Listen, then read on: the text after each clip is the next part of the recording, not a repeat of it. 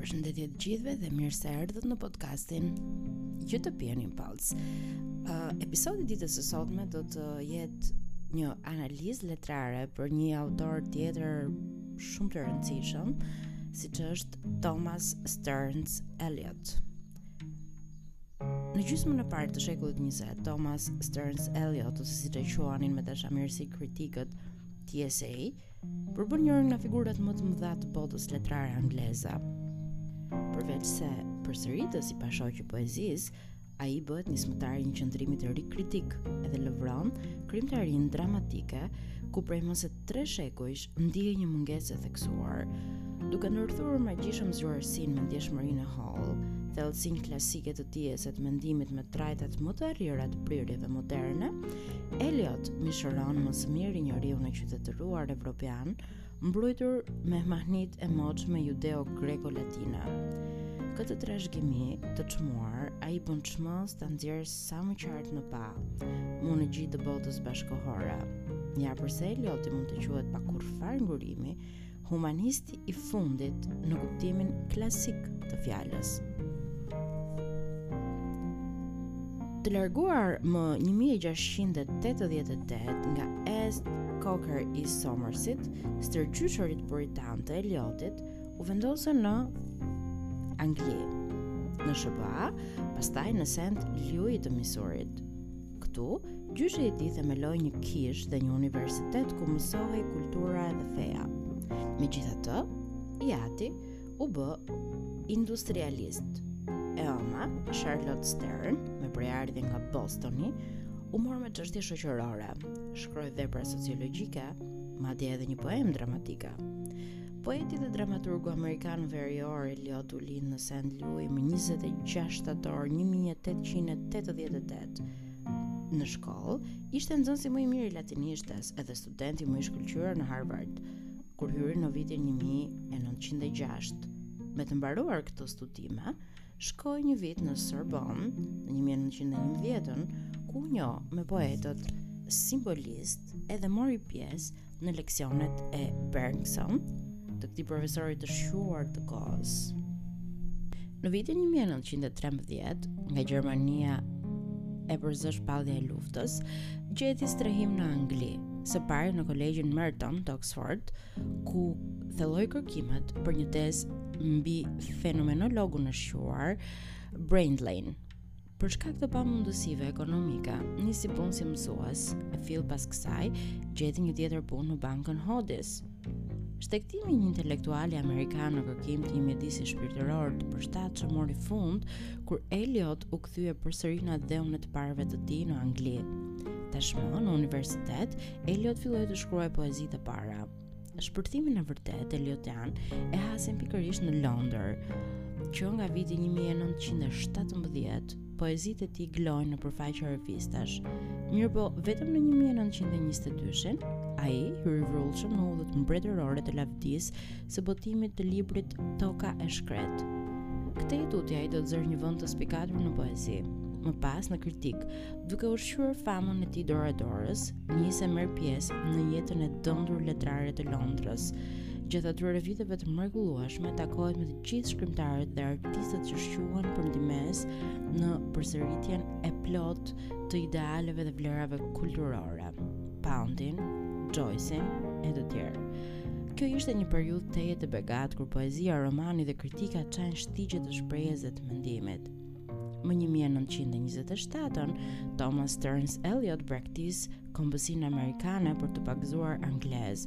Shndërrohet në anglikan, por mbetet High Church, domethënë, anglo-katolik, dhe shpalos parapëlqimin e tij të famshëm klasik në letërsi, mbretëror në politikë, katolik në besimin fetar.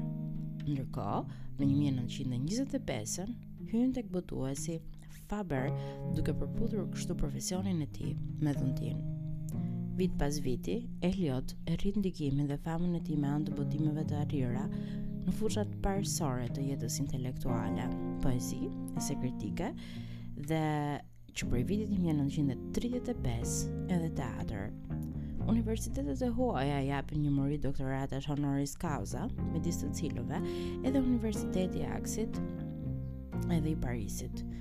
Eliot merr urdhrin e meritës, një vlerësim i rrallë në Angli për të mbërritur tek çmimi Nobel më 1948. Gjuhëtarë të shumtë shqyrtojnë veprën e tij, libër pas libri, shkrim pas shkrimi. Ky njeri diturak, edhe i përkushtuar si rrallkush, me një mendjemprehtësi të veçantë dhe kthjellësi intelektuale të pashoqe, u përpoq të depërtonte sa më thellë në ardhmërinë e botës e të shpirtit njerëzor, me të cilin ishte lidhur shumë ngushtë. në vitet e fundit të jetës, i përshkënditi prania në krah të Valerie Fletcherit, me të cilën u martua në vitin 1957. Më 5 janar 1965, Thomas Stearns Eliot ndërroi jetë. Poete Për të kuptuar sa më qartë rëndësinë e poezisë së Thomas Stearns Eliot, duhet medoemos ta përqasim me mjedisin poetik që ai parapriu dhe sundoi menjëherë pas luftës së parë botërore në Angli.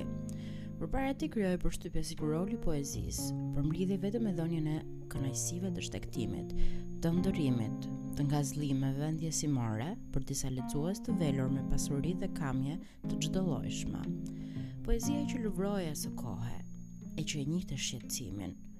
Askush më tepër se Eliot nuk e parandjeu tronditjen e thellë që po ndodhte në Evropë, i cili i shndërroi ankthet bashkëkohore në vetë thelbin e poezisë. Që në vëllimin e parë, Thomas Stearns Eliot, këngë dashurie e J. Alfred, u vu re me befasim të madh që poezia nuk qenkësh më objekt luksi, edhe se lypsej të merrej më seriozisht. Këto tekste e tërhiqnin vëmendjen e lexuesit më tepër me gjetjet e arrira artistike, sesa me interesimin ndaj përmbajtjes. Poezia e Eliotit nuk është protestë e indinjuar, a e dhimbshme kundër teorive të luftës. Eliot nuk kënaqet ashtu si Verlen, duke i përdredhur qafën rrjedhshmërisë, ai dënon madje edhe sentimentalizmin, pikëllimin brenda vetes, cmirën e poezisë për muzikën. Ai e modernizon figurën, u huazon simbolistëve poetikën me simbolet. Në veçanti, përvetëson teknikën e kontrastit të tonave që çon tek humori edhe larmia e sintaksës. Eliot ia del mbanë të ripërtërijë edhe ripërfshijë në poezi, witin, domethënë, aftësinë që ka mendja, për të zbuluar raportet e fshehta ndërmjet sendeve edhe t'i mbrujë së bashku në një figurë, në një formulë a simbol. Trajta e pazakontë e figurës së Eliotit befason lexuesin duke krijuar një mjedis poetik të mirëfilltë me një fuqi fjale që ka një vlerë universale. Kjo teknikë poetike që e ka bazën te meditimi, nuk mund të jetë kurrsesi diçka abstrakte. Për Eliotin, objekte kërkimesh janë problemet njerëzore, raporti i njeriut me botën, si domethënie e shoqërisë dhe qytetrimit. Elioti zgjodhi rrugën e monologut, të mendimit dramatik, të përsjatjes brenda vetes. Protagonisti që shfaqet i ndryshëm nga poeti, shndërrohet në dyzuesin e tij. Ai është vazhdimisht në kërkim të vetvetes, të domethënies e të shpëtimit të vet. I përshpirtshëm dhe sarkastik, bëhet ai sa herë vëre shoqëri të stisura në disa poezi përmbledhje të përmbledhjes së parë si edhe përdor një ton të vrazhdë te Këngë dashurie e Prufrokut kjo vepër u njoh si themeli i parë i poezisë moderne ajo pasuronte traditën e simbolistëve duke bërë që në mendjen e lexuesit të lindin përfytyrime dhe imazhe të pasura brenda hapësirës e poezisë Prufroku shquhet jo vetëm për një përjetim individual, por atje janë dhënë ngjarje të mëdha me rëndësi historike. Nga kjo poemë parësore ku sundon pikëllimi, neveria, shpresa e vdekur e një shoqërie lënguese, ku individit i zihet fryma dhe i priten krahët drejt lirisë, nis e përvijohet prirja e veprës në kërkim të shtigjeve poetike më të arrira. Vëllimi i dytë, poezi, në 1920-ën, parashtron me një kthjelltësi gati të kobshme përmasat e plakjes së jetës së zhveshur nga çdo ndjeshmëri dashurore të vetë vdekjes. Kjo arrihet me anë të një stili të thatë, të figurshmërisë gati-gati të rëndomtë. Mirëpo kërkimi i Eliotit, shkon më tej, me më shumë ashpërsi dhe ankth. Poema e gjatë, Toka e shkretë, rrëfen, mjaft nga të fshehtat e shpirtit të tij fërgëllues, por jo gjithçka. Ky krijim, poetik, nis disi vështirë, i shtrin shumë thellë rrënjët e frymëzimit, deri në moçmëritë përrallore, në mite, legjenda, e kulte pagane që marrin vlera simbolike të gërshetuara me ankthet e njeriut modern. Nëse njerëzit e zgavërt duket sikur janë jeta e mundshme që mund të brejnë tokën,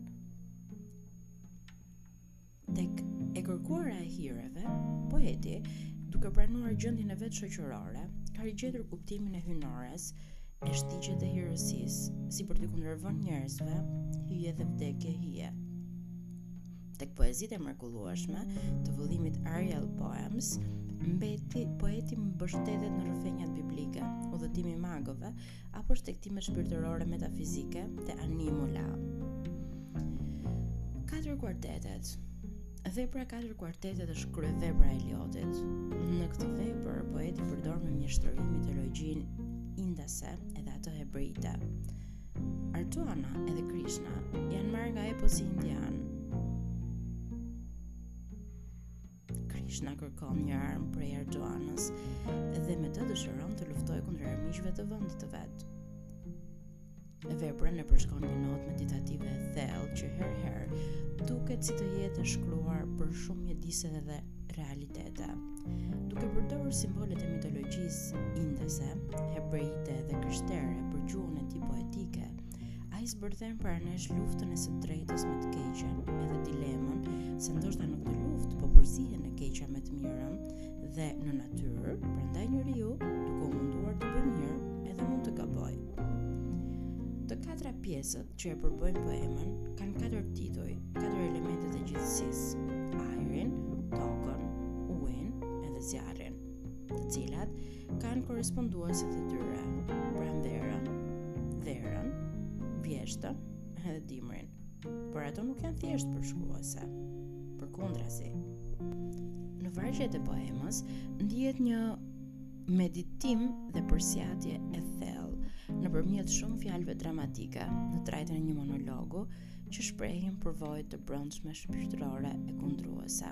përmes arratisë së kohës. Këtu vihet theksi tek tmerret edhe përgjegjësitë e ekzistencës së gjallimit.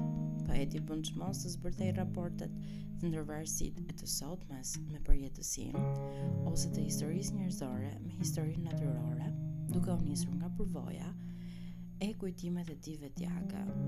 Për Eliotin, problem themelor mbetet pavërtetësia e kohës, e cila bën që njeriu të mos mbetet i tillë por të jetë në ndryshueshmëri të pandërprerë. E tashmja jetohet nëpërmjet kujtimeve e përjetimeve të së shkuarës, edhe ëndërrimeve e prirjeve nga e ardhmja. Secila nga katër pjesët e poemës përbëhet nga pesë nënndarje të cilat simbolikisht janë lëvizjet në natyrë e në hapësirë. Pesë lëvizjet në këtë poemë, secila prej këtyre lëvizjeve mbart në vetvete një moral të brendshëm, edhe të pesta së bashku përbëjnë aktin e një drame, i cili së bashku me aktet e tjera të krijojnë përshtypjen e një simfonie. Le t'i konkretizojmë këto me këngën e dytë të poemës Toka edhe vera. Lëvizja e parë përbëhet nga pohime dhe antiteza që bëjnë përpjekje të përputhen kundërshti të gjithfarëllojshme. Te fillimi im është fundi im. Ngrihen e shemben shtëpi, shkërmoqen, zgjerohen. ndërrojnë vend, shkatërrohen, rimëkëmben. Te këto kundërshti, qëndron kuptimi dhe ekuilibri i vetë jetës njerëzore. Lëvizja e dytë, nis me një pjesë thellësisht lirike, ku ligjërimi shumë i ngrohtë, në trajtën e një bashkëbisedimi, shtjellon mendimin e shprehur më parë, me anë të një metafore edhe simboli. Çka po bën fundi i nëntorit? Me bezdin pranverë, edhe krijesat e vapës verore, edhe flokët e borës që përpëliten nën këmbë. E lëvizja e tretë përbën nyjen e çdo poeme, duke e çuar gjer në fund shqyrtimin e mendimeve të mëparshme për të nxjerrë prej tyre një sintezë. Se shpresa ka me qënë pritja e gjësë së gabuar, prit pa dashuri, Se dashuria ka me qënë dashuri për gjënë e gabuar, prapëseprapë, prit pa menduar se s'je gati për të menduar. Kësisoj, terri ka me qënë dritë edhe vetëtim dimërore. Pra, jemi në stinën e vjeshtës, kur shuhen zjarret shpirtërore të verës edhe pritja është pa shpresë, se vjen një stinë më e egër, më e ftohtë, dimri. Pas një nëndarjeje në katër lirike, lëvizja e fundit rimerr lëvizjen e dytë në kahje të kundërt. Nga një ton i shtruar, kalohet në një ritëm më të rregullt, më të rrëmbyer, duke sjellë përmbledhtas gjithë veçoritë ligjërimore poetike të krijimit.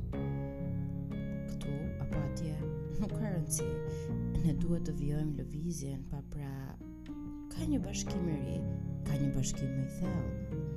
Te fundi im është fillimi im. Pra vargu i fundit ripërsërit vargun e parë në kah të kundërt. Te fillimi im është fundi im. Në mënyrë simbolike, kemi lëvizjen e jetës njerëzore brenda një cikli të caktuar kohor, ku paçka se përmendet fjala fund, Nuk kemi asgjësim, por vetëm lëvizje edhe transformim. Simbolika Në shumë vargje të poemës, ndërthuren mbresa nga bota e fshehtë mistike, që kishte zbuluar poeti në rininë e tij. Kur pati vizituar faltoren e Gloucestershire-it, në këtë univers të ngarkuar me histori e kulturë, gjithçka është e qytetëruar njerëzore, porsi figura e njëmendtë e të qeshurës së fëmijëve fshehur në gjethnajë. Kopshti i vjeshtës, plot jehonë hapash, risjell në kujtesë jehonat e denja të pacenuara e të padukshme të së shkuarës. Kopshti gjysmë historik, Gjysmë përfytyruar, ngjall pamjen e Edenit, një parajsë e fëminisë, duke trajtuar më drejtpërdrejt e në mënyrë më tragjike, mësimet e nxjerra nga përvoja jetësore, mjedisi natyror ia zë vendin botës njërzore. O, terr, terr, terr, ata krejt futen n'terr,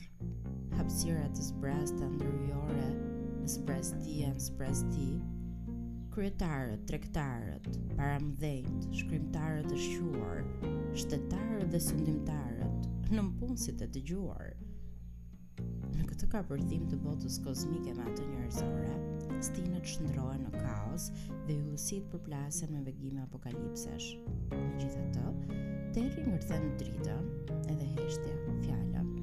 Përgjigja e shpirtit të munduar e të brengosur të përcjell për tek lëvizja e fundit.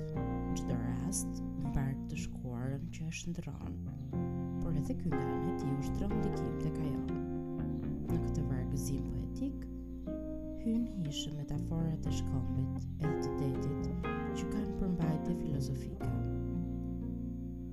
Lumi që mbartim brenda vetes, i kundërvihet detit që na rrethon. Lumi i kohës vetjake është njëherësh hyu i pandryshueshëm i fëminisë së Eliotit. Po kështu, deti i historisë është deti i rinisë së tij, me shtjellën qysh në zanafillë të botës, me ishujt edhe shkëmbishtet e qëmotshme, nga ku burojnë denduria e ndjesive njerëzore, të cilat kështu kanë qenë gjithmonë. E gjithë kënga priret me kah nga ardhmëria edhe nga besimet lindore. Krishna zbulon se ardhmëria është këngë e mekur, trëndafil mbretëror i keqardhjes përrallore për ata që nuk ndodhen më për të shprehur keqardhje ngujuar në fletët e zverdhura të një libri të pahapur kurrë. A nuk ndjen këtu një tundim për të biseduar me të jetën, me të vdekurit, përmes një frymëzimi tejet lirik? Elioti qëmton elemente të tillë si trëndafilat e zhuritur, murin, ujin, edhe rërën e shkrumbuar, që shkrihen magjishëm së bashku dhe simbolizojnë vetë jetën. Mjegulla e përhimtë e melankolisë ia lë vendin lirizmit që pohon besimin sa në një ideal estetik të arrirë, aq edhe në një zbulim edhe një përjetim të thellë pas një stine të gjatë dyshimi edhe mohimit të jetës njerëzore. Për të vijuar analizën e veprës së Eliotit, do të analizojmë edhe udhëtimin e magëve. Tek poezia udhëtimi i mbretërve magë, rrëfimi poetik, e kryen njëri prej mbretërve, i cili është mjaft i shtyrë në moshë, Sipas shkrimeve të shenjta të Biblës, magët janë mbretër të lindjes, të cilët kur morën vesh lindjen e fëmijës Krisht, u nisën t'i bënin dhurata edhe nderime. Që në vargjet e para paraqiten detaje të një rrugëtimi të largët, të mundimshëm, dërrmues, në ditët e ftohta me dëborë. Kjo akullsi Jep më së miri atë pjesë të rëndom të përjetimeve që shoqërojnë në çdo hap ata shtegtarë romantikë. Zërat që u nanurisin nëpër vesh, kujtimet e mbresat e së shkuarës që brofin befas në mendjen e tyre, përmes një sintakse, në funksion të mendimit poetik, ngjasojnë të zbeta të mekura. E megjithatë, Ka ende diçka që të ngacmon, të mban ndjenjën pezull, përmendja e të ftohtit që shoqëron udhëtarët ka lidhje me të ftohmën që po afrohet për vetë figurën e Krishtit. Aksioni i poezisë është shkuarje përpara Paçka se nuk ka vendmbërritje ose është një mbërritje e kaluar si kthim në kohën e lashtë. Ky në fund të fundit është qëllimi i një jete të re që shkon drejt një vdekjeje po të re. U rikthyem në vendet tona në këtë mbretëri por s'jemi më të qetë këtu në rregullsinë e lashtë me një popull të huaj kapërthyer pas idhujve të vet, do të isha i kënaqur nga një vdekje tjetërsoj. Kjo ide filozofike jepet me përjetime ndjesish të tilla si dobësia, e shkuara, ndjenja e misterit, dëshira për çlirimin fizik dhe shpirtëror, individual edhe shoqëror. Elioti donte që poezia e tij të ishte e mprehtë, më befasuese, e më e saktë. Prej Ezra Paundit mësoi se si të largojë ëmbëlsirat romantike. Te poetët metafizik, ai pa se si mund të ndërlidhej mjeshtërisht dija me pasionin. Kurse tek simbolistët francezë pa se si imazhi mund të ishte njëherazi i saktë në marrëdhënie me fizikën, lëndën konkrete, edhe ndërkohë mbresëlënës në domethëniet, pra në kuptimet, edhe në marrëdhëniet me imazhe të tjera poetika. Elioti nuk ka përtuar kurrë të hedhë një vështrim kritik të gjitha poezive të veta. Ai e quante veten zejtar të poezisë dhe si i këtillë bëri çmos që të përmirësonte dukshëm teknikat e krijimtarisë. Gjatë gjithë jetës ai hoqi të dyja kahjet e veprimtarisë si krijues dhe si kritik. Për të, ato janë të pandashme. Elioti kritik. Disa ese shumë të njohura të shkruara që në fillimet e krijimtarisë së Eliotit kanë qenë bazë për përcaktimin dhe funksionimin e kritikës të natyrës së veprës letrare, për kuptimin edhe rolin e poezisë në ardhmërinë e një shoqërie të qytetëruar. Nga thelbi i këtyre eseve buron mendimi i Eliotit për kritikën. Ai përçmon, jo pa njëfarë qesëndie kritikën subjektiviste, e cila është thjesht propagandë edhe parodi. Sipas Eliotit, lypset që në çdo çast t'i përmbash shijet edhe hovet vetjake të atypëratyshme, duke vendosur veprën në perspektivën e krijimit letrar, përmes një bashkëveprimi të ndërsjellë të arsyes me ndjeshmërinë, ngacmimeve mjedisore me frymëzimin dhe ndijimin poetik. Tradita edhe talenti vetjak, e shkruar në vitin 1919, funksioni i kriticizmit në 1923, retorika dhe drama poetike në 1924 ishin esetë e para që shpalosën doktrinën e tij me një jehonë mjaft të madhe. Më pas ishin analizat po kaq të suksesshme për dramaturgët elizabetianë e jakobinë edhe të ashtuquajturit poetë metafizikë. Me stilin e tij thuajse asnjanës e tejet imtësor, Eliot përcakton domethënien e mendimit të tij.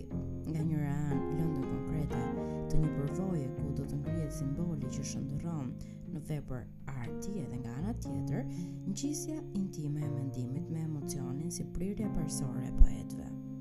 Elioti i jep mendimit të tij kritik një shtrirje të pashoqe, falë shumëllojshmërisë së tij. Esetë për Danten dhe Virgjilin janë nga esetë më të arrira që mund të jenë shkruar ndonjëherë. Përtej kësaj, vepra letrare shpaloset si histori e shijeve, si harmoni dhe vijimësi e një kulture që ajo mbart edhe do ta përforcojë. Revista The Criterion kishte si qëllim të pasuronte marrëdhëniet dhe këmbimet midis shkrimtarësh edhe mendimtarësh të bashkësisë evropiane. pasuria shpirtërore e së cilës të hidhte themelet e një mirëkuptimi të mëtejshëm në rrafshin politik. Ky synim i kahershëm i një letrari largpamës, sot po nxjerr sythet premtuese për një të nesërme aq të dëshiruar. Elioti si dramaturg, Poezitë e Eliotit janë më së shumti monolog dramatik. Në to, protagonisti dialogon shpesh, shkëmben mendime, njëlloj si një personazh teatri. Dukuria e magjishme e teatrit elizabetian, Shakespeare e të tjerë, pat nxjerrë dukshëm në pah që poezia ishte e pandashme nga ai teatër dhe se shprehja dramë poetike Nuk ishte thjesht një sajim i pavlerë. Mirëpo kjo shkrirje e përkorë nuk ndodhte në skenë që nga koha e mbylljes së teatrove në vitin 1642. Drama romantike nuk ia kishte dalë dot të ripërtërinte këtë dukuri. Ndjekja e vazhdueshme e pjesëve të Shakespeare-it edhe bashkëkohësve të vet, e si edhe ndërgjegjësimi për rolin kulturor të poezisë në shoqërinë moderne, Qenë arsyet kryesore që nxitën Eliotin të ndërmerrte vënien në skenë të poezisë. Kisha anglikane iu drejtua pikërisht Eliotit që t'i thurte krijime lirike që do të recitoheshin gjatë shfaqjes së madhërishme për të mundësuar edhe për të dhënë ndihmë në rimëkëmbjen e kishave në dioqezën e Londrës. Këto pjesë lirike gjenden në përmbajtjen e vëllimit Poezi. Në vitin 1935, Elioti bën një hap të madh në artin dramatik me Vrasje në katedrale, ku shprehja dramatike shpaloset me gjithë bukurinë e saj. Këtu theksohet drama e një heroi në përplasje me ndërgjegjen e tij aq edhe me botën e jashtme. Në një çast të dhënë të acarimit tragjik, ai duhet të marrë një vendim për jetë a vdekje, përligjja e të cilit i ka rrënjët te urtia e sakrifikimi i shenjtorëve përpara perëndisë së vuajtjes edhe dashurisë. Kjo temë e kryerjes së përmbushjes së një veprimi në një çast vendimtar gjendet në të gjitha pjesët e tjera dramatike. Mbledhja e familjes, festa koktejl, sekretari i veçantë, fund karriere, që është edhe pjesa e fundit dramatike e Eliotit. Në të gjitha këto pjesë, Elioti e kishte lënë mënjanë legjendën e historisë për të ruajtur një mundësi takimi më të drejtpërdrejtë me publikun e vet, Në qendër të gjitha këtyre komedive të jetës bashkëkohore gjendet një përvojë tragjike, një gabim i rëndë, një harresë kriminale ose edhe një krim i mirëfilltë, nga të cilat protagonisti duhet të pastrohet me të me çdo çmim. Veçanësia e këtij teatri qëndron edhe tek shprehja e tij fjalore, nga retorika e harlisur e korit, vrasja në katedrale, Elioti kalon dora-dorës në një gjuhë që të jetë sa më afër prozës. E habitshme është se si këto drama poetike janë aq sqimatare në përdorimin e burimeve poetike të gjuhës, saqë poezia shpesh nuk bie shumë në sy. Kufiri i rrjedhshmërisë së prozës dhe i ritmeve të dhjetërrokëshit ruhet me përkujdesje të atillë që auditori nuk e pikas aty për aty se po dëgjon një pjesë në vargje. Dhe Elioti pikërisht këtë përfitim dëshironte që publiku të përthithte poezinë pa e vënë re. Tek Elioti ekziston një përputhje tematike si në veprat dramatike dhe në poezi. Ai nuk rreshti së kërkuari një ligjërim poetik të ri që të mundësonte përdorimin e vargut të lirë. Prurjet e Eliotit në letërsinë angleze dhe atë botërore janë të shumta, edhe pse disa nga konceptimet eliotiane na duken të largëta dhe ndikimi i drejtpërdrejtë tek poetët bashkëkohorë, jo edhe aq i spikatur, vepra e tij e larmishme dhe e pavarur, vazhdon të mbetet ndjeshëm burim frymëzimi në brezat më të rinj të krijuesve. Vepra e Eliotit është ende e pazbuluar plotësisht. Ne jemi akoma në çastin kur siç thoshte Gëtja për Shakespeare-in, kemi përpara nesh një Eliot që s'ka të sosur.